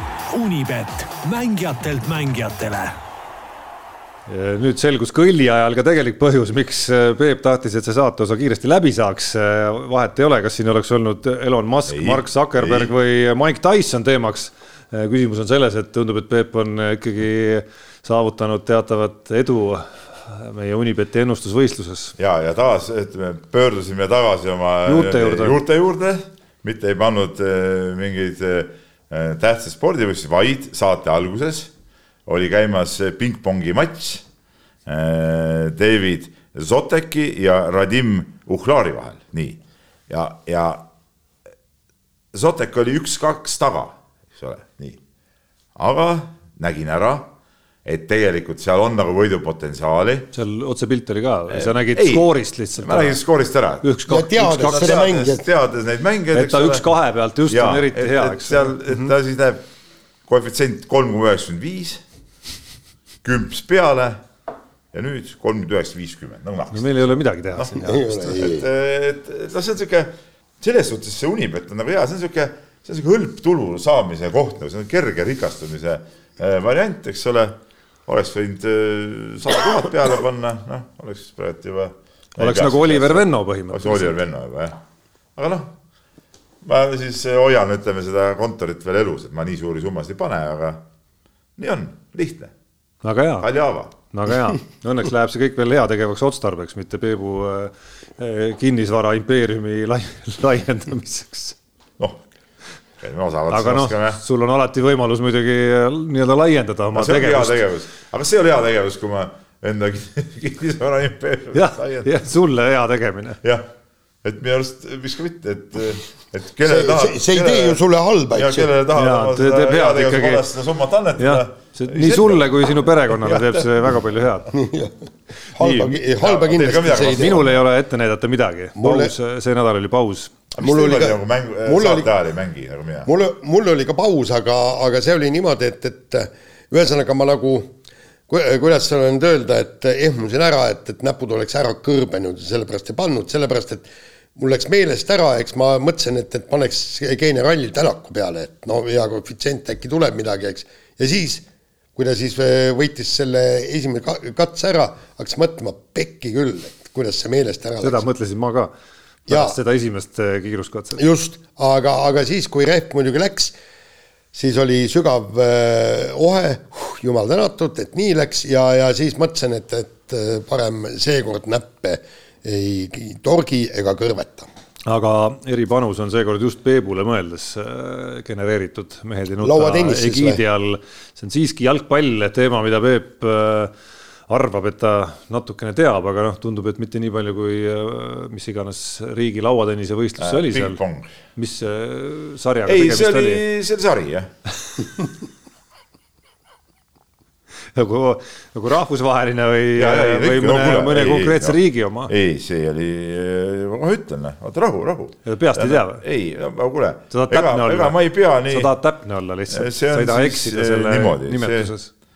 Eh, siin ei ole praegu kirjas aga, aga mis, tähendab, nad mängisid ikkagi rahvusvahelisest tasemest, et eh, David Zotek ja Radim Uhlar, noh, need ei ole nagu ühe riigi mehed, see on selge vist. kindel vist no Uhlar tundub mulle natuke sihuke nagu, nagu võib-olla siukse, kas Kesk-Aasia mingi mehena või? no ma ei tea, Taavi Rähn ja Konstantin Vassiljev ei tundu ka nagu peanimesid vaadates, et nad mõlemad on Eesti elanikud, aga on. David Zotek, no see on sihuke, tundub nagu sihuke Ida-Euroopa mees. poolakas näiteks, jah.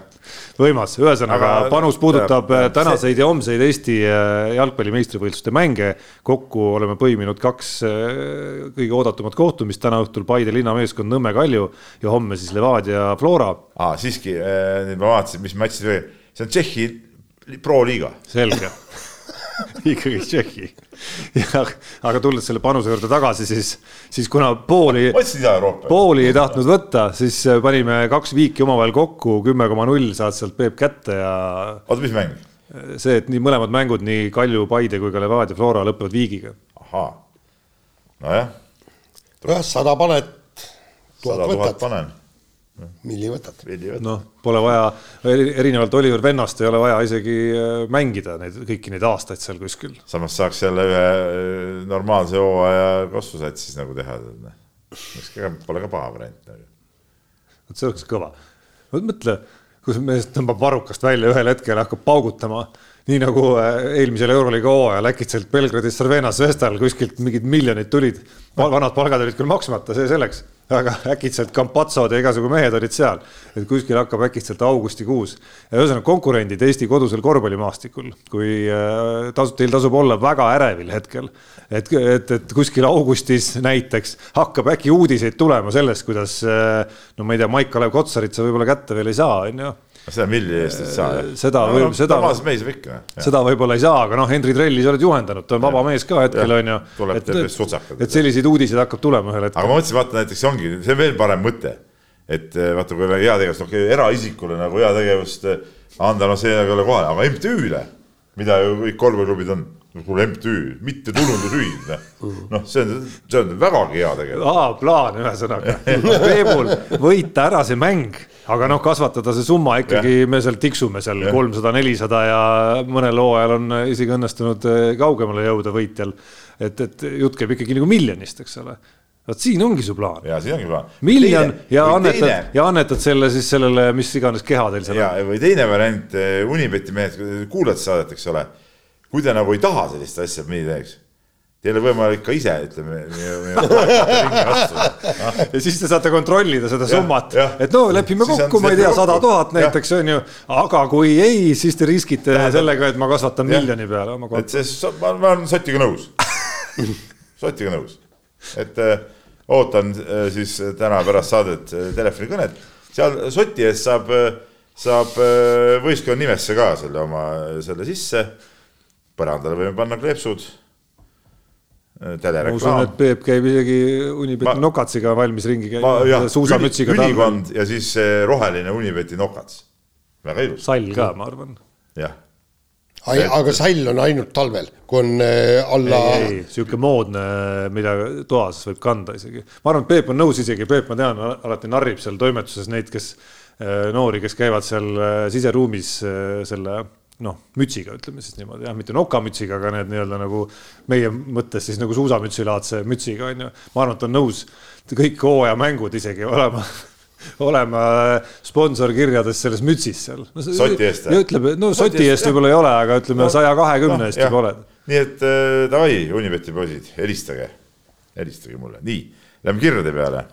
ja siin on küsimus korvpalli kodu kohta ja see on äh, ka päris, päris hea küsimus, et äh, Äh, kirja, kiri on selline, et kui korvpallikodu loodi, siis ma arvasin, et korvpallikodu on treeningkeskus, kus Eesti tippmängijad, tipu lähedal olevad mängijad saavad harjutada hooajavälisel ajal või kui neil klubi ei ole.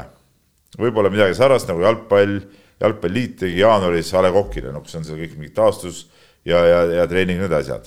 no tegelikult see muidugi nii päris, päris ei ole, eks ole. et, et tegelikult korvpallis siis alguses tehti korvpallikodu Nordi spordihoonesse, nüüd selgus, et trennid on hoopis Audentes ja nii edasi, et lisaks veel eh, on korvpallikodu hoopis saanud järelkasvuprogrammiks. Eh, ja siit nüüd küsimus, et mille poolest erineb nii-öelda korvpallikodu nime kandev süsteem varasematest korvpallikoondise treeninglaagritest, kus alguses olid nooremad trennis ja hiljem liitusid tugevamad. või näiteks võrkpallikoondise sellesuvist ettevalmistusest, kus praegu tegid trenni ja mängisid nooremad ja hiljem liituvad vanemad mängijad. Et näiteks juba maikuus aastal kaks tuhat kümme ilmus selline artikkel, et Eesti korvpalli B-koondis võitis Tallinnas peetud kontrollkohtumises Rootsi kuni kahekümne aastaste meeskonda kaheksakümmend, seitsekümmend üks. ja Tamm Tamm on meile selle küsimuse saatnud. no omal moel on õigus, aga noh, omal moel ma arvan, erineb selle poolest, et see periood on natuke pikemaks läinud ikkagi ja see asi toimub igal suvel, et vanasti oli see ju kord, kord tehti midagi, kord ei tehtud midagi, kord poeti selle taha, et ma ei tea, universiaadikoondise saadame välja, smugeldati veel mõned, kes ei olnud tudengid, smugeldati tudengiteks ja siis, siis nagu tehti nendega midagi. et praegu me näeme, et igal suvel ikkagi nagu reaalselt see tegevus toimub, on ju. mida me oleme samas ka näeme, on see, et ega mingi, see nimekiri on ju palju pikem mängijatest, kes justkui nii-öelda nende korvpallikodu kandidaatideks tituleeritud on ju. natukene haakub sellesama teemaga ka siin, millest me enne just rääkisimegi, et, et on päris palju mängijaid, kes juuni, juunis veel ei vajagi lihtsalt sellist kodu, mõnel hooaeg käib võib-olla isegi ja mõni ravib vigastusi ja, ja kõik see pool sinna nagu juurde on ju. aga olgem ausad, ühtegi vanemat mängijat sinna seekord ei ole läinud, et kui esimesed aastad, no see korvpallikodu vist tekkis üldse koroona ajal, nagu ma õigesti mäletan, et saaksid, saaksid trenni teha seal ja, ja, ja, ja siis olid ka vanemad mängijad seal juures.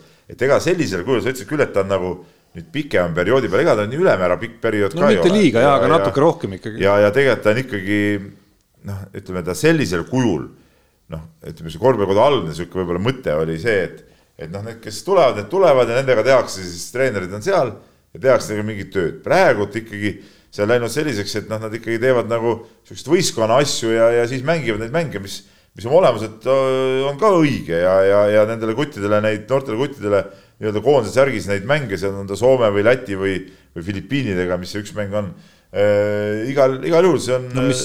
see on jumala okei asi. no ta on ka ülesehitus selleks, et sul et on uus klubihooaeg tulemas, sul tulevad aknad, sa kunagi ei tea, mis mängijaid sa üldse sinna et, saad. viiakse nad kurssi selle koondise mängusüsteemiga et, et, et sellisel kujul ma ei heida seda ette, ma arvan, et see korvpallikodu kui selline, noh, seda nimetada võib, võib seda igati moodi. et, et aga, aga see, et ta on niisugune süsteemne, ta on nüüd nagu mitu aastat olnud ja ma loodan, et ta jääb ka pikemaks ajaks, siis, kui kodune liigahooaeg kestab äh, juuni esimese nädalani, siis ta lihtsalt algab natuke hiljem, et, äh, et see, et see on ja jääb ja, ja, ja sarnaseid asju ütleme ju klubid teevad ka, et, et ega klubid võtavad ka ju oma mingeid punte kokku ja suvel seal mingid noored mehed teevad ju trenni ja see on, see on nagu elementaarne no,. no milleks ta on selgelt hea ja ma just eile jäin natukene õhtul, vaatasin järele veidi seda Eesti ja Soome kohtumist, mis seal toimus. Ja siis läksin korraks nagu uurima, et äh, kust need Soome kutid, kes seal ilma tegid selles mängus ikkagi siis nagu täpsemalt pärit on ja noh, natukene seda mustrit oli seal ka nagu noh, nagu Eestilgi tegelikult, kui sa vaatad Carlos Jürgens ja see äh, väliseestlane seal äh, ja, ja see Johannes Kirsipuu näiteks on ju, et, et noh, mehed, kes on suu pildi alt ja radarilt üldse nagu väljas ja kelle hooajad lõppesid ju USA-s juba päris ammu, on ju. kes seal märtsi hullusele ei jõua, nendel saavad hooajad ju päris kiiresti läbi seal. et see on ka võimalus nagu need mehed kuidagi kaasata ja saada üldse ülevaade, mis, mida nad nagu kujutavad endast ja, ja mingigi noh, nii-öelda touch siis tekitada selle koondise süsteemiga. ja mina igatahes seda süsteemi kiidan ja loodan, et see käib samamoodi edasi. nii, aga. täna ükski... teeb kas täna on ajalooline päev või äh,? tegelikult. aa, et, et Kasemets mängib esimese no. Peep, Peebu hoolealune teeb, äh, esimene hoolealune teeb Eesti rahvuskoondise debüüdi, õnne tuleb soovida. jaa, ei seda küll, seda küll, loodame, et teeb äh,. nii, aga läheme järgmise kirjaga edasi ja, ja kiri nüüd puudutab Anett Kontaveidi tippspordist loobumist. ja, ja kiri on siis selline, et, äh, et võib-olla on ajakirjanik rohkem infot, aga tavalise spordifänni jaoks paistab Kontaveidi loobumine minu meelest hoopis eh, teistmoodi. Eh, niinimetatud eh, liiga lihtsa loobumise tunnuseid on siin nagu mitmeid. et esiteks aeg, et avalikkuse ette on jõudnud info, et konkreetne seljavigastus andis ennast esmakordselt tunda sügisel ja loobumisotsus tuli juba nüüd enne jaanipäeva. et, siin ongi küsimus, et kas, kas sellest vigastusest taastumiseks see aeg noh, oli nagu piisav ja, ja kas ütleme, tehti kõik asjad selleks, et terveks saada, siin on toodud äh, näiteid, kes, kes on nagu teinud tõsist tööd siin, Sildaru, Katrin Lehis, Tanel Leok, Karl Allik ja nii edasi, nii edasi, et neid näiteid Eesti spordis leiab kümneid ja kümneid. Siis teiseks, taastumiseks kasutatud võimalused, kas proovitud sai ikka kõiki võimalikke variante? et tavafännile tundus jällegi nii, aga selleks on, aeg selleks on liiga lühike. noh, põhimõtteliselt kordab seda esimest punkti mõnes mõttes, eks ole. ja lõpuks jõua-, kolmas punkt, lõpuks jõuame rahani. Tundub, et ikkagi raha sätib asjad paika, kui panna taustaks teenitud raha hulk ning keskmisest väiksem soov tippsporti teha, siis tegelik põhjus võibki olla selles, et tegelikult ei olnud väga enam soovi tennist mängida ja pingutada. selle võiks julgelt aga ka välja öelda. Äh, Kaspar siis kirjutab meile seda, ütleb seda, et ma ei mõista Kontaveidi otsust hukka, võib-olla oli vigastus nii tõsine ja ei olegi muid variante, aga võib-olla sai kõik taastumise variandid läbi proovitud ja võib-olla tennisega jätkamise soov on väga suur, üldsusele aga seda muljet paraku ei jäänud ning kogu asja juures on liiga lihtne lihtsa loobumise maik? Äh, minu meelest annab äh, vastuse täna ilmunud ja väga hea intervjuu Anett Kontaveidi Treener. treeneriga, kes ütles, et juba aasta, aasta tagasi. aasta alguses, ma täpsustan, aasta alguses siiski aasta alguses ütles, et. et ta ei tea, kaua ta veel mängida tahab, ma võtsingi selle intervjuu just sissejuhatuse ja Peebu just, kirja ettelugemise taustaks. et ühesõnaga, seal ei olnud Äh, Kontaveidi jutt ei olnud nii, et, et ma teen kõik selle nimel, et saada terveks, asjad korda, kõik paika, aga noh. no see ongi see, vaata, et kui sul on see vigastus äh, ja noh, vigastused, olgem ausad, seljavigastus, nagu me rääkisime eelmine saade, või oli see üle-eelmine saade juba, et, et see on nagu tõsine asi ja no, see on, see on ebameeldiv. no mis on oluline märkida ja. igal juhul, et ega me keegi täpselt ei ja, tea, et, et ja, ja mis nüanss on veel oluline märkida, on see, et üks asi on jah, see tippspordi tegemine seal, aga sa pärast ka elama. ja, aga teine, mis ma tahtsin ütelda, see, et et sellest nagu taastumine, väljatulek, kõik need võtted, see on nagu üli-üli-üliränk töö, noh. ja, ja, ja inimene, kes tegelikult oma olemust võib-olla tahaks väga seda sporti teha, aga talle meeldibki see, see mäng kui selline, eks ole, et ta nagu seda võib-olla niisugust nagu ekstra asja ei taha teha. ja, ja, ja siis, siis ta otsustabki loobuda, et, et, et, et see, et see hind, mis võimaldaks seda mängu edasi mängida on võib-olla liiga kõrge nagu selle inimese jaoks ja, ja, ja nii paraku ongi noh. ma ei saa ütelda, et, et, et kui see nii on, kui see nii on, et, et see oleks nagu minu silmis nagu mingi hea variant, aga, aga lõppkokkuvõttes inimene saab ikkagi ainult ise seda otsustada, et, et nii on lihtsalt. nojah. ja võib-olla polnudki mingit varianti, ma ütlen, me keegi täpselt seda ei tea. Koha, mida ta seal enne ütles või ei ütelnud nii, aga tõmbame otsad kokku vist. jah, tõmbame otsad kokku, kuulake meid nädala pärast ja muide, Peep, vaata valemaid keeru ka, seal oli paar head kirja, järgmine no,. ja, ja praegu ei saa, aga, aga järgmine saade võib-olla saab, saame need ette võtta. kuulake meid nädala pärast. mehed ei nuta. saate tõi sinuni Unibet, mängijatelt mängijatele